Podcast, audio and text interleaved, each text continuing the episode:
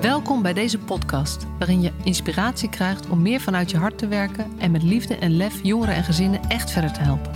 Voel je waarde, voel de passie voor je vak, voel je professional vanuit je hart.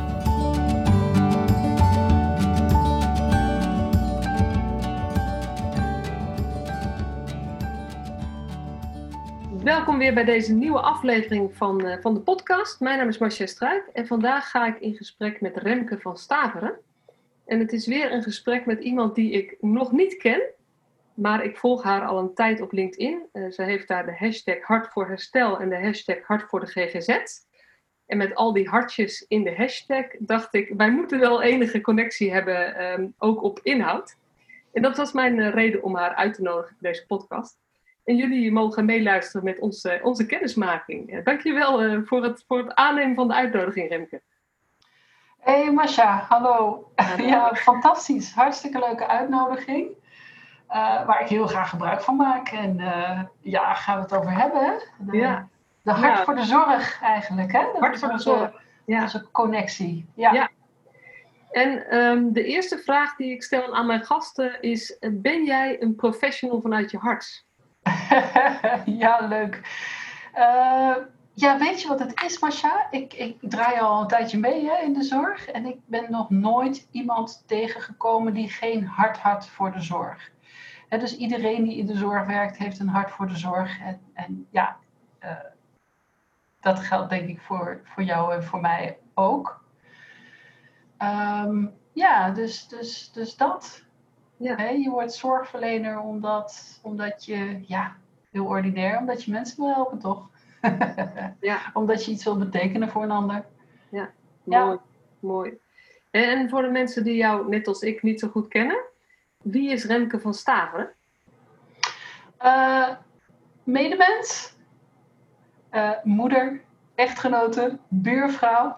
Uh, en ik ben ook psychiater. Um, en ik ben psychiater op dit moment voor een ontzettend leuk team, Team Tuindorp in Utrecht bij buurtzorg T.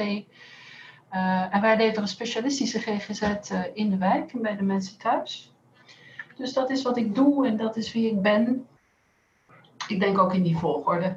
Ja, mooi. Ik vind zelf altijd ook een ingewikkelde vraag hoor. Wie ben je? Kan je wat over jezelf vertellen? Waar begin je en waar eindig je?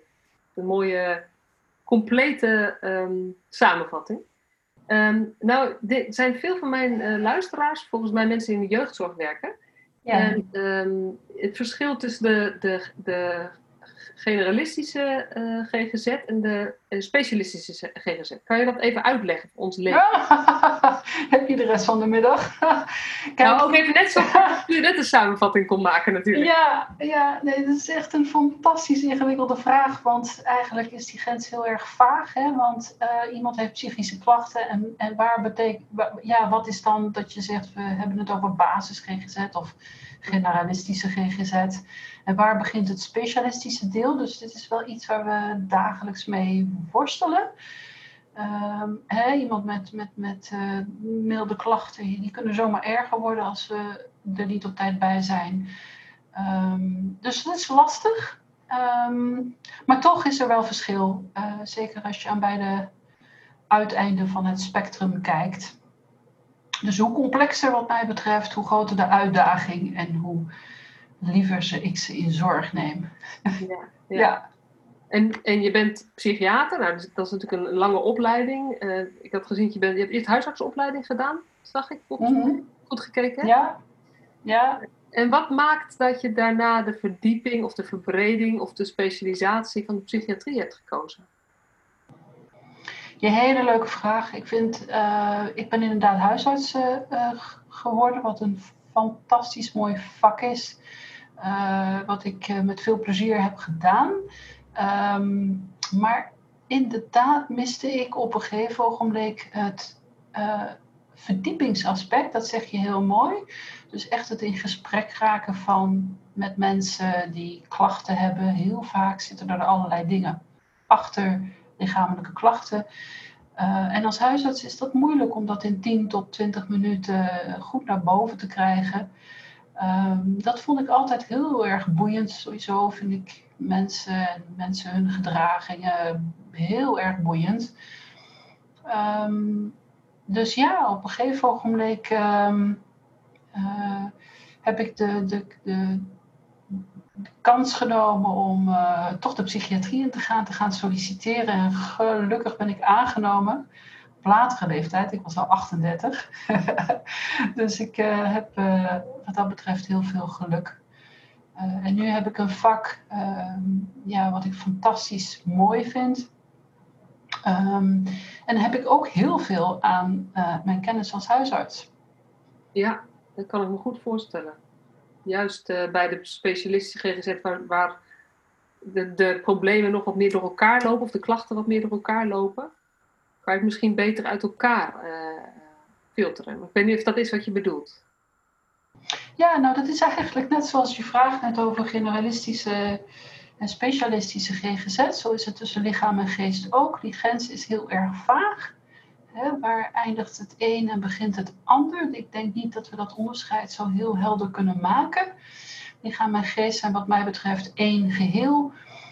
Uh, en we zien dat mensen met psychische klachten krijgen ook ja, op een gegeven moment lichamelijke klachten erbij. Uh, of andersom, dat het begint met lichamelijke klachten of dat die gebaseerd zijn op uh, ja, psychische problemen. Dus het, het, is een vage grens. Het is heel goed om, om van beide zaken wel een beetje verstand te hebben. Ja. ja. En uh, ik vind dat heel mooi.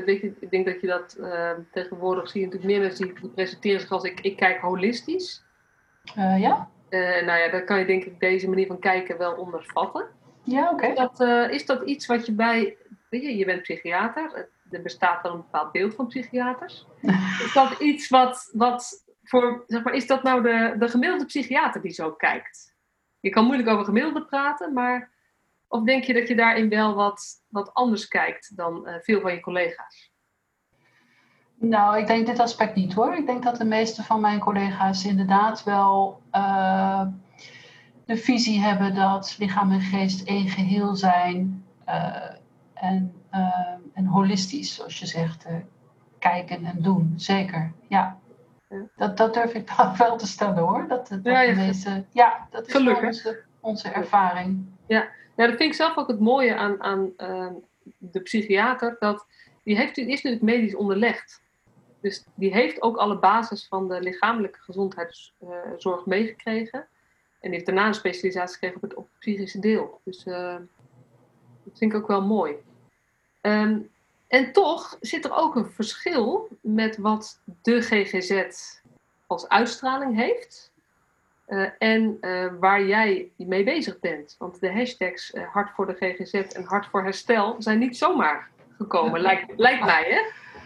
Nee, ja, het is een zeker activisme. Maar ja. vertel, wat is je vraag daarover? Nou ja, kan jij iets vertellen daarover? Wat je, weet je waar staat? Ik kan, ik kan van alles invullen we hebben het al even over gehad, dat professional vanuit je hart. Dat, bij mij staat dat natuurlijk ook voor een heel verhaal erachter. Maar daar hebben mijn luisteraars al een beetje eh, gehoord. Maar ik kan, bij jou zal er ook een verhaal zitten achter die twee hashtags. Uh, ja, dat, dat, dat, dat, zit echt wel een verhaal achter. En ik denk dat iedereen die in de zorg werkt ook wel wat bekend is met dat verhaal. Dat is het verhaal van de zorg die een markt werd, uh, maar het eigenlijk niet was. Um, en ja, ik ben daar heel erg tegenaan gelopen alweer jaren geleden. Dat, uh, dat het zorgzame uit de zorg is verdwenen hè, met de marktwerking. En dat we horen dat de zorg zinnig en zuinig moet zijn. Um, wat mij betreft uh, is, ja, is het zeker belangrijk dat de zorg zinnig en zuinig is. Uh, naast zorgzaam is de essentie van zorg, het hart van de zorg. Het hart is uit de zorg verdwenen. En dat, uh, dat merkte ik hoe langer hoe meer op de werkvloer en in het contact met mijn patiënten en cliënten. Daar liep ik ook steeds meer tegenaan. Um, en ik heb als arts wel een eed afgelegd. En die eed, de eed van Hippocrates, uh, heb ik uh, beloofd dat ik me ook maatschappelijk zou inzetten voor goede zorg. En dit maakt dat ik heel erg in gewetensnood kwam en dacht, ja, als ik vind dat de zorg echt beter moet, en dat vind ik, dan is het ook mijn taak eh, in alle bescheidenheid, maar wel mijn taak ook om daar iets aan te doen ehm, en actie te ondernemen. Eh, en dit is al best wel een aantal jaar geleden, maar zodoende ben ik heel erg bij mezelf nagegaan wat ik dan zelf kon doen aan het verbeteren van de zorg en dan vooral de GGZ, wat natuurlijk mijn aandacht heeft. Um, en ik hou heel erg van schrijven.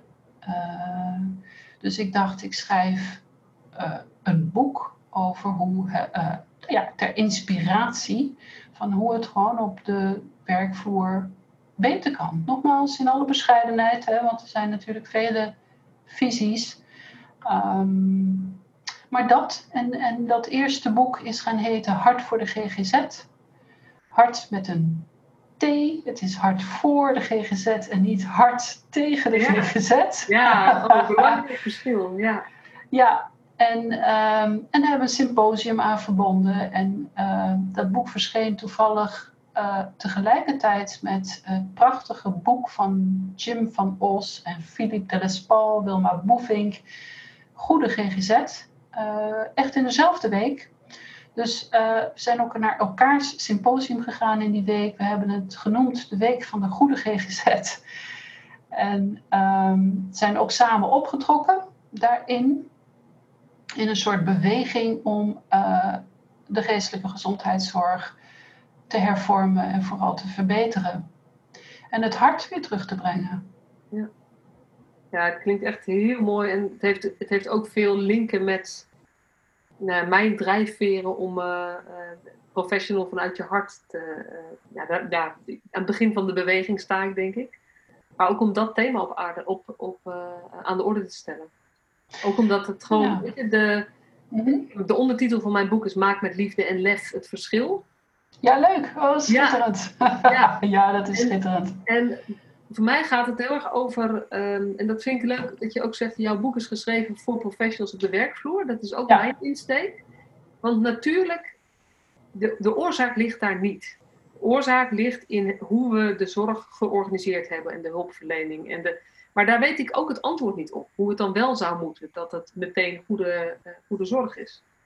Dus ik denk de, de snelste verandering of verbetering is te bereiken als we de mensen die het werk doen, helpen, inspireren, um, handvatten geven. Hoe kan je, zoals het systeem nu is, toch gewoon um, uh, goede zorg leveren? En daarnaast het activistische stukje, want ik denk dat jouw ambitie wel verder gaat dan dat. Uh, het activistische stuk, van, dat, dat moet ook leiden tot dat de omstandigheden waarin ze moeten werken uh, beter worden. Ja, nou, ik ben heel erg op mijn eigen werkvloer begonnen en gedacht van hoe kan ik het beter, hoe kan ik het beter doen, hoe kan mijn team het beter doen, mijn afdeling het beter doen en uiteindelijk mijn organisatie, niet mijn organisatie, maar onze organisatie natuurlijk, het beter doen. Uh, en toch heb ik gemerkt dat dat onvoldoende is en dat er meer nodig is. Uh, vandaar het activistische. Ja. Um, hè, dus ik, ik schoon er ook niet voor om uh, bijvoorbeeld met de staatssecretaris te gaan praten als dat nodig is. Of uh, ja, gelukkig word ik ook wel eens uitgenodigd uh, ergens om uh, in alle bescheidenheid, en nogmaals echt, om mijn visie te delen. Um, en, en ja, dat, dat is een hele, hele bevoorrechte taak die je dan ook toebedeeld krijgt. dus al die, al die dingen zijn nodig. En ik denk dat als iedereen dat doet, gewoon te beginnen met de eigen vierkante meter en gewoon vanuit de eigen cirkel van, uh, van invloed. Hè? Zoals uh, Covey dat zo prachtig beschreven heeft, van waar heb je invloed op, ja. waar ben je betrokken bij. Ja, dan vergroot je ook die cirkel van invloed. Doen we dat allemaal? Nou, dat zou echt geweldig zijn. Ik denk dat we dan heel veel kunnen bereiken. Ja, ja en nou ja, dit is wel echt mooi, want de slogan of wat ik vaak roep is: um, als iedereen 5% meer liefde en lef heeft binnen zijn eigen cirkel van invloed, als iedereen die 5% pakt, hebben we echt morgen een mooiere zorg. Ja. En uh, daarmee zijn we er niet, maar het is wel een hele goede stap. En, en vandaar kunnen we weer kijken wat, wat we dan kunnen, kunnen oppakken. Maar mag ik ook, uh, Marcia, een voorbeeld geven van iets waar ik me dan voor ingezet heb? Ook om iets te vertellen, om het wat meer concreet te maken, hè, waar we dan mee bezig zijn en hoeveel weerstand je dan ook ontmoet. ja, heel graag. Ja. Ja. Want ehm, een paar jaar geleden werkte ik voor een grote GGZ-instelling. En uh, er is ontzettend veel administratie. Hebben heel veel van onze tijd gaat op aan administratie, waardoor we heel weinig tijd meer over hebben voor daadwerkelijke zorg. Eigenlijk hoe langer hoe minder. We worden ongelooflijk gecontroleerd. En er zijn heel veel formulieren die we moeten invullen. En ik weet bij deze GGZ-instelling uh, moesten alle regiebehandelaren, dus ook psychiaters, maar ook klinische psychologen, moesten uh, een formulier invullen Ehm, waarmee dan uh, aangetoond werd dat je had nagedacht of de patiënt nog een jaar vervolgzorg nodig had of niet. Iets wat we eigenlijk jaarlijks al evalueren, dus dat formulier was volkomen overbodig. Uh, en dat heb ik ook geweigerd om dat in te vullen. Het was een formulier wat 10 minuten tijd kostte per patiënt, per jaar, per regiebehandelaar. Ehm, met informatie wat eigenlijk al in het dossier stond. En uh, waar de organisatie mij ook niet kon vertellen waar die informatie naartoe ging, wie dat beoordeelde. Um, want gaat het dan naar een of ander secretariaat? En hoe gaan die dan beoordelen of de patiënt wel of niet een jaar verder in zorg mag? Nou goed, in ieder geval, het was een gigantisch gedoe omdat ik dat weigerde en iedereen beweerde dat daarmee de zorg niet voortgezet kon worden. Nou, er gebeurde helemaal niks toen ik weigerde. Alleen kwamen er een heleboel managers bij me over de werkvloer. Allemaal om uit te leggen dat dit echt wel nodig was. Ehm, en pas drie kwart jaar later, ondertussen waren er geloof ik 68 van dit soort formulieren die echt standpeden volgens het secretariaat ingevuld moesten worden. Uh, drie kwart jaar later begon de Vereniging voor Arts en Auto, de VVAA, een actie tegen uh, onnodige administratie. Um, en toen pas, toen pas kwam de organisatie tot het inzicht dat dit formulier afgeschaft kon worden. Ja. Dus dit is zo'n actie waarvan je, dat kost gewoon echt heel veel energie. Ja. Uiteindelijk uh, lukt het.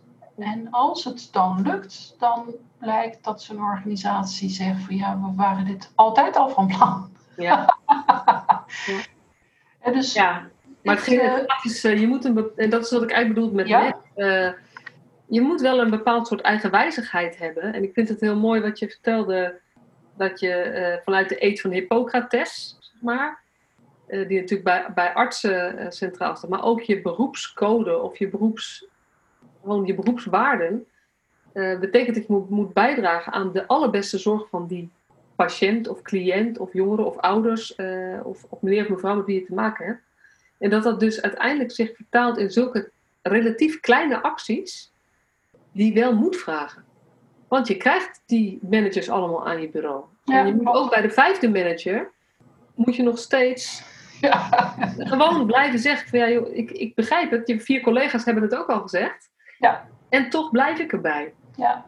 En ik weet dat heel veel mensen dat ook wel heel spannend vinden en lastig vinden. Ja. En dan op een gegeven moment, ja, buigen klinkt dan een beetje, uh, ja, maar toch maar buigen. kiezen voor de makkelijke weg. Vullen het formulier toch maar weer in. Het is maar 10 minuten, maar goed, het is 10 minuten per patiënt, per jaar, per regiebehandelaar. Ja. Dat is ontzettend veel zorgtijd en zorggeld ook. Ja. Wat veel beter besteed kan worden aan de zorg. Het is maar één voorbeeld, hè? Ja. Ja. ja, maar dit zijn wel de voorbeelden waar het mij over gaat. En waar je dus ook als individu in het klein een grote verandering teweeg kan brengen. Maar het begint wel met dat jij als individu bedenkt: dit kan ik ook anders, dit kan anders. En ik doe het anders. Ja, dat veel mensen um, zien dingen, want, dit soort voorbeelden ken ik ook uit onze sector. We hebben net die hele uh, ja, ja. sessie gehad met uh, minder formulieren. En dan hoor ik uit de praktijk terug dat er eigenlijk nog onvoldoende veranderd is uh, in de beleving van mensen. Uh, maar het begint wel bij dat iemand niet meer alleen maar roept, maar ook zegt: en ik doe het dus niet meer. En daarvoor durft te blijven staan. Ja, klopt. Heb, je, heb jij dat altijd gehad? Dat je ging staan voor wat je belangrijk vond of waar je van overtuigd bent? Nou, ehm, nee, eigenlijk niet. En ik denk dat dat wel het probleem was. Ehm, kijk, weet je, Masha, ik wil heel graag transparant zijn. En ehm, ik denk dat het goed is als we heel eerlijk ons verhaal vertellen. Uh, als kind uh, is er een hele periode geweest waarin ik toch wel enigszins uh, verwaarloosd ben. Um, en um, ik denk dat dat mij heel erg gevormd heeft tot wie ik nu ben. Namelijk dat ik volstrekt allergisch ben voor verwaarlozing, uh, voor geen goede zorg van mensen die dat het hardste nodig hebben. Dus daar ligt heel erg mijn eigen motivatie om uh, op te komen voor, ja, voor mensen die het hardste zorg nodig hebben. Um, dus in eerste instantie onze patiënten, onze cliënten, uh, maar ook wij zorgverleners uh, moeten voor onszelf zorgen en moeten ook goed voor elkaar zorgen. En ook dat gebeurt vaak niet. Zorgverleners worden in organisaties toch vaak verwaarloosd.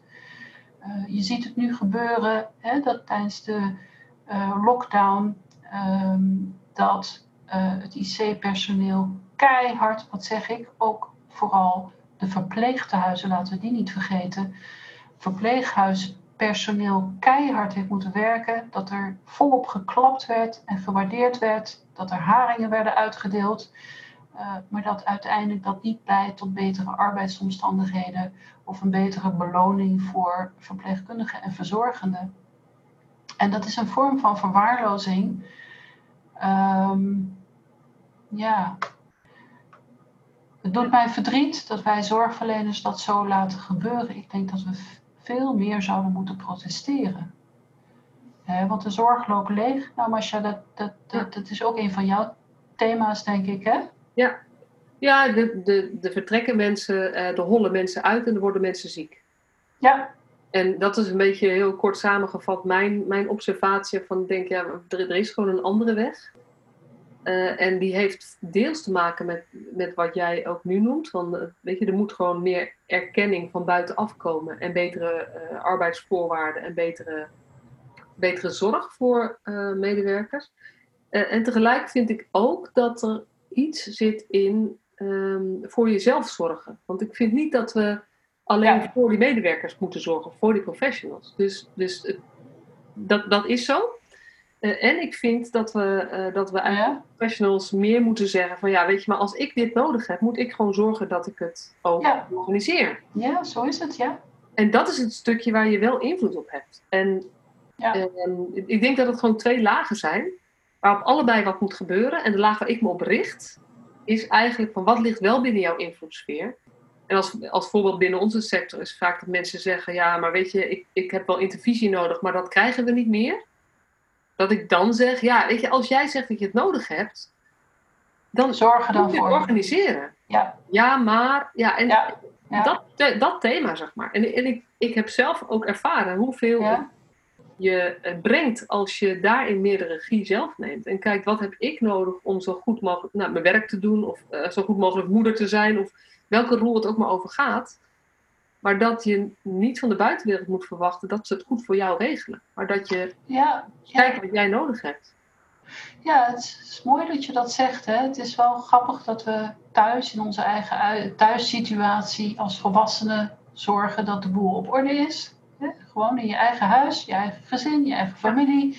Dat je daarin de regie neemt en dat je op je werk ineens toch gaat kijken of de teamleider, het management, de directie het voor je regelt. Wat ja, ja. eigenlijk een hele gekke houding is. Ja, ja helemaal met je eens. Meer zelf de regie pakken. Wat we ook van onze cliënten verwachten trouwens. Nou, precies wat ik wou zeggen. Ik geloof dat het ook een parallel proces is. Want we willen heel graag dat cliënten regie nemen. En houden eigenlijk.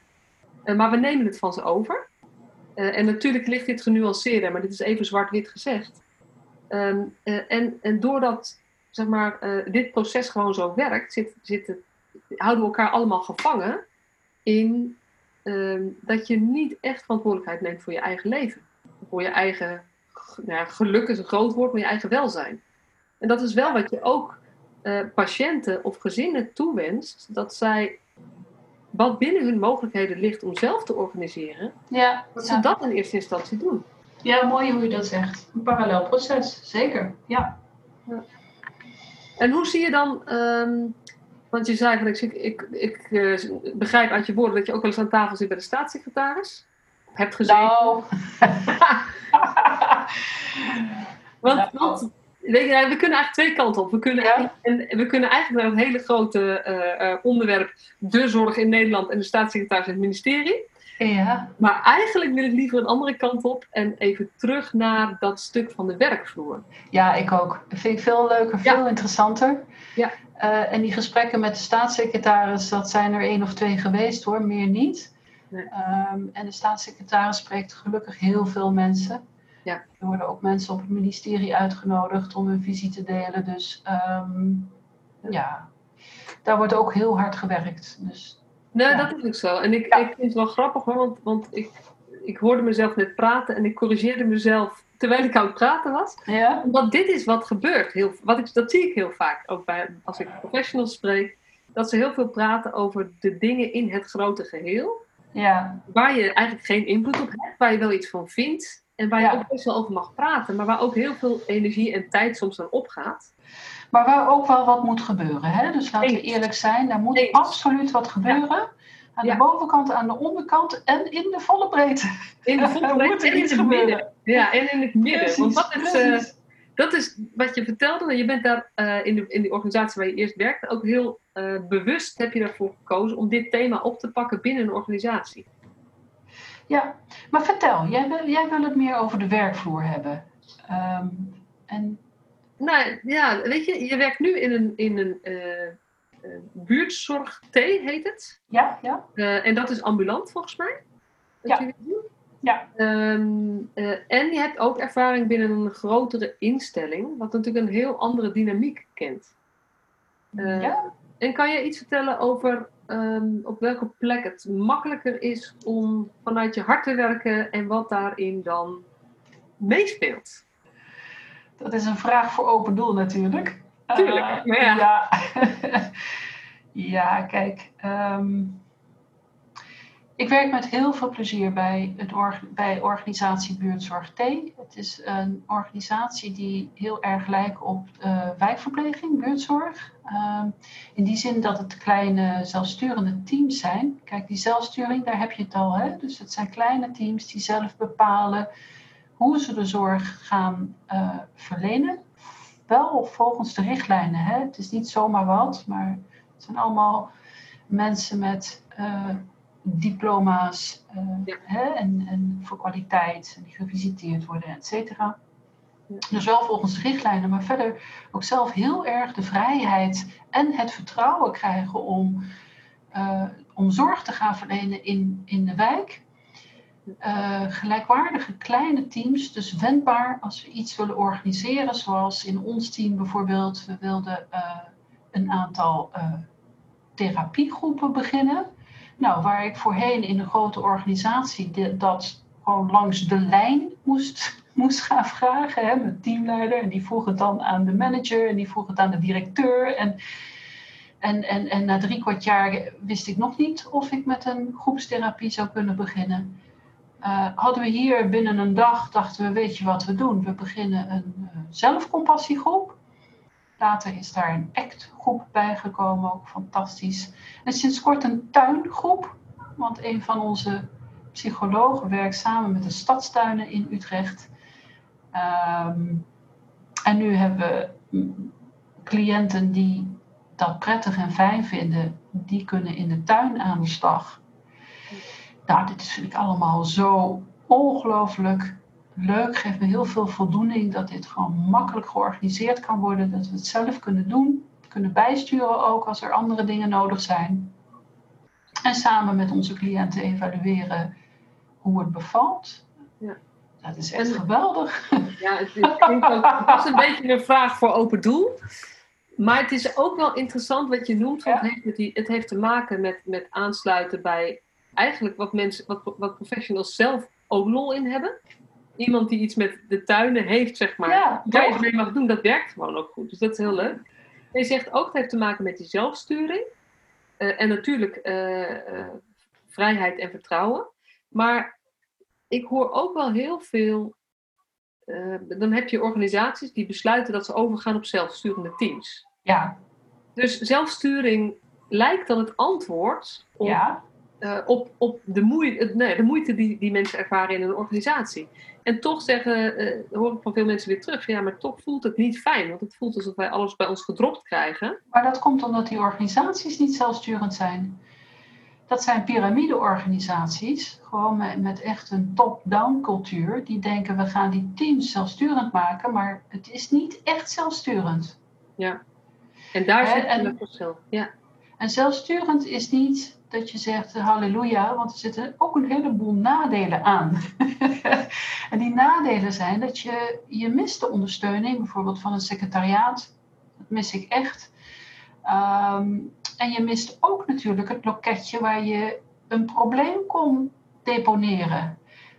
Je hebt, je hebt, we hebben een coach, ja, een coach die ons eh, zeg maar helpt bemiddelen als er dingen spelen of die ons misschien ergens een suggestie kan doen, echt op coachniveau, dus ondersteuning, maar we hebben geen baas.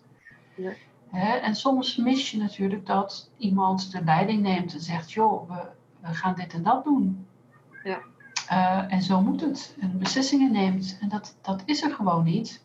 Ja, er is een kantoor en die zorgen voor de belangrijke dingen als de huisvesting en het uitbetalen van salarissen. Ja. eh, en gesprekken met de zorgverzekeraars. Maar verder hebben we per team ook ons eigen zakelijk belang te behartigen. We hebben een teambalans.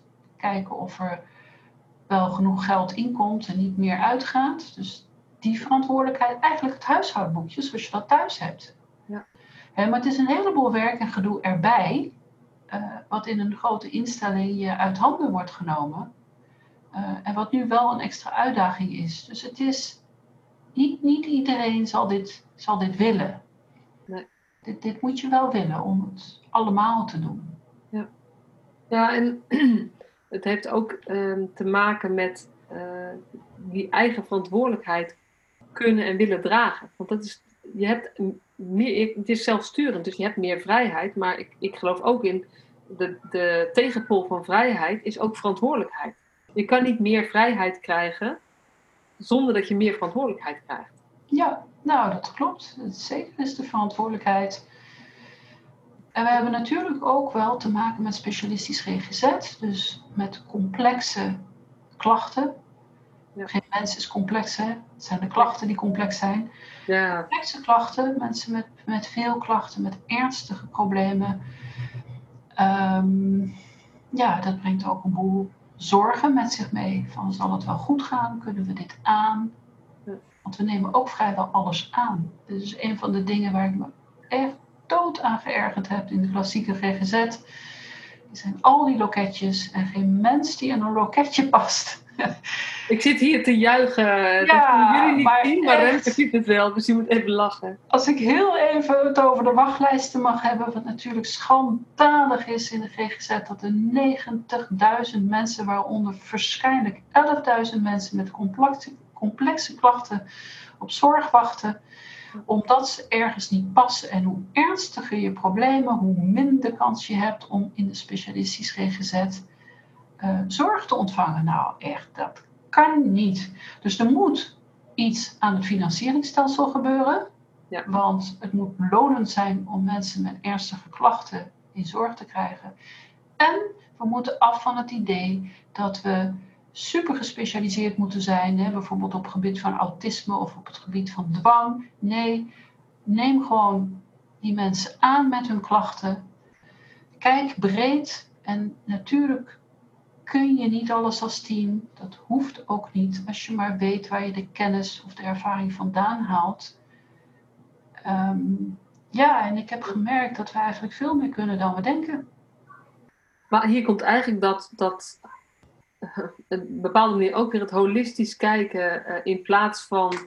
ehm, ik, nou, ik, heb ook wat dingen van je gelezen over de, de, het gebruik van de DSM, de manier waarop dat gebeurt en met name hoe dat in de financiering doorwerkt. Ja, Ehm, Terwijl ik jou eigenlijk hoor zeggen van een, een mens is niet, uh, is niet alleen het autisme wat vastgesteld is of, of aan, aan, de beschrijvende diagnose waarin hij voldoet.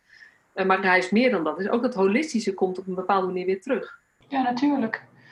Zeker, neem inderdaad autisme. Stel je bent, hey, je, je, je bent autistisch en je hebt daar gewoon heel veel klachten en problemen van in je leven dan heeft dat invloed op je relaties, dan heeft dat invloed op je werk, misschien wel je huisvesting, invloed op hoe je je voelt. Je kunt een depressie ontwikkelen, je kunt een angststoornis of je krijgt dwangklachten omdat je de controle probeert te houden. Kortom, de problemen zijn niet meer te overzien. Ehm, dus dit kan hè, bij ernstig hoeft niet. Alles is in gradaties. Ehm, maar als dat gebeurt, waar ga je dan hulp zoeken? Ja. Hè, dan ben je depressief en je hebt een stoornis in het autisme spectrum. en met een beetje pech heb je ook een LVB. Precies. En dan? En een verslaving. Precies. Nou, dan, dan kom je op een wachtlijst. Want elk loketje zal zeggen: nee, nee, wij, wij, wij, wij hebben hier onvoldoende verstand van. Ja. en, en dat klinkt heel erg denigerend, zo bedoel ik het niet. En ik bedoel ook niet te zeggen dat we allemaal generalistisch moeten worden, zeker niet. Ik ben heel erg blij dat er ook uh, gespecialiseerde klinieken en afdelingen zijn met heel veel kennis um, en ervaring in, uh, in één bepaalde stoornis. Um, dat blijft nodig. Hè, bijvoorbeeld anorexia, wat een hele ernstige ziekte kan zijn, is het heel erg fijn als er gespecialiseerde hulpverleners zijn op dat gebied. En dat moeten we ook zeker zo houden. Maar we moeten veel meer toe naar generalistisch werken. Ja. En is dat, dat gaat natuurlijk voor een deel over de financiering. Dus ja. dat kan niet zolang de financiering is zoals die is en die gekoppeld is aan een diagnose, uh, dan gaat dat niet. Maar heeft het ook iets te maken met de visie of de, de houding van, van professionals? Moeten die ook daar iets anders in doen? Het is absoluut een mindset. En ik merk het als mensen bij ons komen werken bij ons buurtzorg T. Hè, nadat ze jarenlang in de reguliere GGZ hebben gewerkt in, op een bepaalde afdeling, zijn ze heel erg gewend om de boot af te houden, om het zo maar te zeggen. om te denken, oh nee, maar dit, dit past toch niet in ons straatje, of dit is te moeilijk, of dit is juist niet te moeilijk, of nou, enzovoorts. Dubbele diagnose, trippele diagnose zeggen ze dan. Uh, heel erg DSM denken, dus je, je moet dat allemaal gaan ontdenken en, en anders gaan denken. In andere termen en met andere woorden en een andere taal. Ehm, en dat is lastig, ook voor mij hoor. Het is gewoon uh, af en toe weer, denk ik, oh joh, wat, wat ja. Hoe denk ik nou over mensen? Moet, moet ik het weer bijstellen? Dus dit is gewoon blijvend uh, een aandachtspunt. En hoe zou heb je misschien, hoe, hoe kan je mensen helpen of hoe zou, kan je mensen uitnodigen of uitdagen om op die andere manier te kijken? Heb je daar een... Nou, heel praktisch denk ik dat we afscheid moeten nemen van de DSM. De DSM-classificaties, die DSM-boeken, die ze ook nog eens, en daar wil ik echt vanaf de Bijbel van psychiaters noemen. Nou, je kan me niet echt meer beledigen dan dat. Uh, de hele maatschappij is gedsmifikeerd zo langzamerhand. Je hoort het in het taalgebruik terug. Mensen komen bij me. Ik denk dat ik ADD heb in plaats van ik kan me niet goed concentreren of weet ik veel wat. Uh, het is zo ver doorgedrongen dat denken uh, en dat etiketteren van ik heb borderline in plaats van ik heb een ellendige jeugd gehad, ik ben misbruikt en daardoor weet ik nu niet hoe ik mijn leven op orde kan krijgen. Snap je? We moeten er vanaf. Het is een prima kassabon, die hele DSM. Uh, maar over echte mensen met echte problemen zegt het helemaal niks. En als we daar vanaf zijn, van dat DSM-denken en een andere taal gaan spreken, wat mij betreft een meer compassievolle taal, dan gaat de zorg er ook weer anders uitzien. En ook als als we toch bezig zijn met taal, moeten ook van het management taal af de mens is geen schade, last of product. Um, en Ik denk dat als we de taal veranderen, denken veranderen, de bejegening veranderen. Het is ongelooflijk ambitieus, hè? maar er wordt aan alle kanten hier aan gewerkt Ja. om dit voor elkaar te krijgen. Ja, en, ehm, ja ik, ben, ik ben het hier helemaal mee eens. Dit is echt. Dank eh, je. ik ook vaak, vaak zeg en roep en wat ik al verwacht. Weet je, wij, Ja. eh, we kunnen uren doorpraten, daar hebben we qua podcast geen tijd voor, maar dat, dat komt, daar komt vast een keer een vervolg. Ehm, ik geloof ook heel erg in die verandering van taal. En dat is wel iets heel, sorry, iets heel concreets. Ook als je nu gewoon binnen het systeem werkt. Want weet je, de DSM op dit moment bestaat nog. En volgend jaar zal die ook nog bestaan. En zal die ook nog een financiering leiden. Ik ben het, weet je, ik, ik ben blij met Ja, maar in, in 2022 krijgen we een nieuw bekostigingssysteem.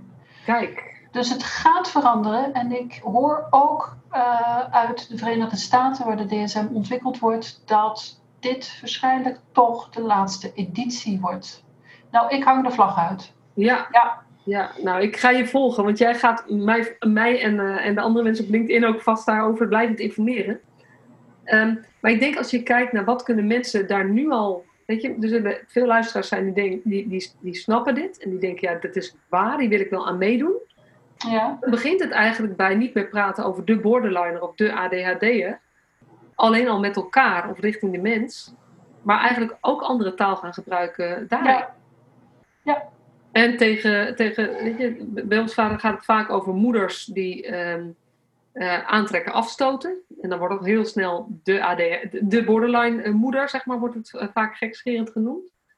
En als je dus eigenlijk denkt, ja, er zit gewoon wat in en we moeten meer naar de mens kijken, dan kun je het dus over hebben.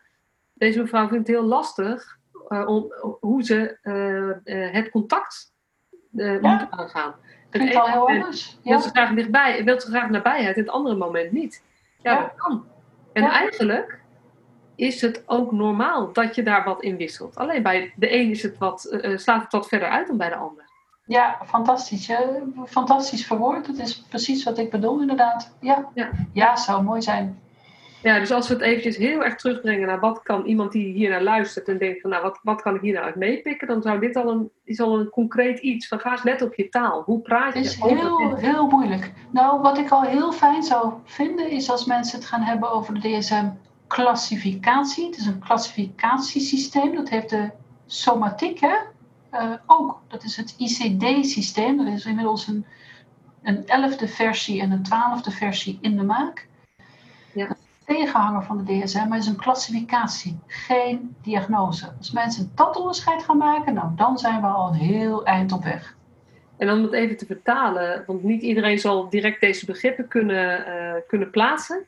Als ik het vertaal, dan zou ik zeggen: het verschil tussen klassificatie en diagnose is dat een diagnose praat over wat de oorzaak is van gedrag. Ja, En dat een klassificatie alleen maar een beschrijving is van het gedrag of, of de, de denkpatronen die iemand laat zien. Ja, nou dat, dat klopt wel. Een diagnose bevat iets meer dingen, maar inderdaad ook eh, het waarom. Ja, ja, als je het heel simpel maakt, zeg maar, weet je, een gebroken been kan je zien, eh, het been is in twee stukken eh, eh, Ja, in twee Ja. stukken. Dat is makkelijk. Maar dat bij, bij psychische klachten en beschrijvingen daarvan ligt dat gewoon veel complexer. nou een gebroken been, ik vind het een heel leuk voorbeeld. Ik was er zelf niet opgekomen, dus dank daarvoor. Maar een gebroken been kan heel erg complex zijn, hè? want is het, eh, gaat het door het gewricht? Hoe ziet die breuk eruit? Hoe is die ontstaan? Komt het bot door de huid heen? Ja, sorry, onsmakelijk verhaal, maar dan Je heb je, een beschrijvende, Ja. heb je een beschrijvende diagnose, terwijl een gebroken been eigenlijk klassificatie is. Dus een heel mooi voorbeeld. Ja. Dank je, Masha. Ja, leuk. Ja, nou ja, ik weet je, ik vind het, eh, ik vind het heel verhelderend ook om met je eh, te praten. En ook om te horen wat de, wat de ontwikkelingen zijn. Want dat is dan wel weer het voordeel. Je zit wel ook dicht bij de ontwikkelingen die er zijn in, het, in de organisatie van, eh, van eh, hoe noem ik dat? Eh, bijvoorbeeld het afschaffen van de DSM. Dat, daar, dat, er zeg maar ontwikkelingen zijn die, die ertoe lijken te gaan leiden dat de DSM in ieder geval minder belangrijk gaat worden. Misschien zelfs wel vervalt. En dat er een andere bekostigingssystematiek gaat komen. Nou, dat is iets te veel eer. Ik heb helaas helemaal nul invloed op de DSM. Nee, maar je, je weet in ieder geval wat. En dit is, dit is ook omdat ik natuurlijk meer in de jeugdzorg zit. Maar de DSM ook helaas een grote rol heeft, maar toch kleiner dan in de GGZ. En ik ben geen psychiater. En voor jou is dit waar je dagelijks mee bezig bent. Ja, ook. Nee, ja, precies. In die, in die zin wel, wel natuurlijk. Op de eigen, binnen de eigen cirkel van invloed. Dus zeggen, eh, precies, in jouw cirkel van invloed ligt op een iets ander stuk dan die van mij. Dus dat, dat is ook, ook dankjewel dat je daar ook wilde vertellen. Ik heb eigenlijk nog, nog één vraag, dat nog niet aan de orde is gekomen, maar wat mij wel uh, intrigeerde. Dat hart voor de GGZ heb je uitgelegd. Je hashtag is ook hart voor herstel. En zou je dat als laatste onderwerp uh, daar iets over willen toelichten? Ja, leuk. Dank voor je vraag. Ja, het eerste boek heet Hart voor de GGZ. Van wat, wat zouden we kunnen doen? En ik kreeg in, in navolging daarop van ja, maar hoe ga ik dat dan in de praktijk doen? Dus kennelijk was het nog niet praktisch genoeg. Ehm, en ik heb me heel erg laten inspireren door de herstelbeweging van Wilma Boevink. Uh, over een goede herstel, ondersteunende zorg in de GGZ. Uh, ondertitel van het boek Hart voor Herstel is van hoe dan naar doe dan. Uh, hoe doe je dat precies? Hoe, ga je als, hoe kun je als zorgverlener dat herstel ondersteunen? En dat is het tweede boek geworden. Dus ook de tweede, tweede hashtag inderdaad. Ze horen heel erg bij elkaar. Ja. Qua inspiratie voor, nou ja, werken met meer hart. Ja, ja heel mooi. Is er nog iets uh, wat je graag zou willen toevoegen? Of iets wat ik vergeten ben te vragen? Of wat je nog, uh, wat je nog graag wil meegeven aan de luisteraars? Ja, voor de luisteraars. Um, kijk, in de herstelbeweging is empowerment natuurlijk een, een heel mooi iets. Empowerment betekent dat je meer kan dan je denkt, dat je krachtiger bent dan je denkt, dat je meer kunt bereiken als je maar in jezelf gelooft. En dit hoop ik heel erg dat alle luisteraars, dat wij zorgverleners meer in onszelf gaan geloven en ook in actie komen voor betere zorg voor onze cliënt, maar inderdaad ook voor onszelf en elkaar. Dus dat, uh, dank, dank voor, je, uh, ja, voor deze gelegenheid om dat uh, aan jouw luisteraars te mogen delen. Ja. Veel dank daarvoor. Ja, ik had het niet mooier kunnen verwoorden. Het is ook eigenlijk waar ik zelf altijd over heb. We moeten zorgen dat het beter wordt voor de professional. En dan wordt het eigenlijk bijna meteen ook beter voor degene die wij verder willen helpen. Dankjewel. En uh, wij spreken elkaar op een ander moment verder. Superleuk dat je weer luisterde naar deze podcast. Dankjewel. Nog even kort een paar belangrijke dingen. Ten eerste, het is mijn missie dat de jeugdhulp weer een sector wordt waarin bevlogen, liefdevolle professionals jongeren en gezinnen echt verder helpen. Daarom maak ik deze podcast voor jou. Wil jij deel uitmaken van deze beweging van Professional vanuit je hart, waarin professionals elkaar steeds opnieuw inspireren? Begin dan met het lezen van mijn boek. Je kunt de eerste hoofdstukken helemaal gratis lezen. Ga naar professionalvanuitjehart.nl/slash boek. Ten tweede, wil je alle podcastafleveringen overzichtelijk onder elkaar? Abonneer je dan op deze podcast. Klik in je podcast-app op de button subscribe of abonneren. En elke keer als er een nieuwe podcastaflevering gepubliceerd wordt, ontvang je automatisch een berichtje. Ten derde, ondersteun je mijn missie? Geef me dan een review via je podcast-app, bijvoorbeeld iTunes of Spotify. Op die manier kan ik nog meer professionals bereiken. En ken je een collega voor wie deze podcast ook interessant is? dan zou het super zijn als je hem of haar de podcastaflevering doorstuurt. Bijvoorbeeld door de link te kopiëren via Spotify. Ik vind het altijd heel leuk om berichtjes te ontvangen van luisteraars om te horen wat je van een podcast vindt, of als je misschien vragen of suggesties hebt. Of als een aflevering je een bepaald inzicht heeft gegeven of er iets in beweging is gekomen. Stuur me dan even een berichtje op masha.professionalvanuitjehart.nl via de website of stuur me een connectieverzoek op LinkedIn.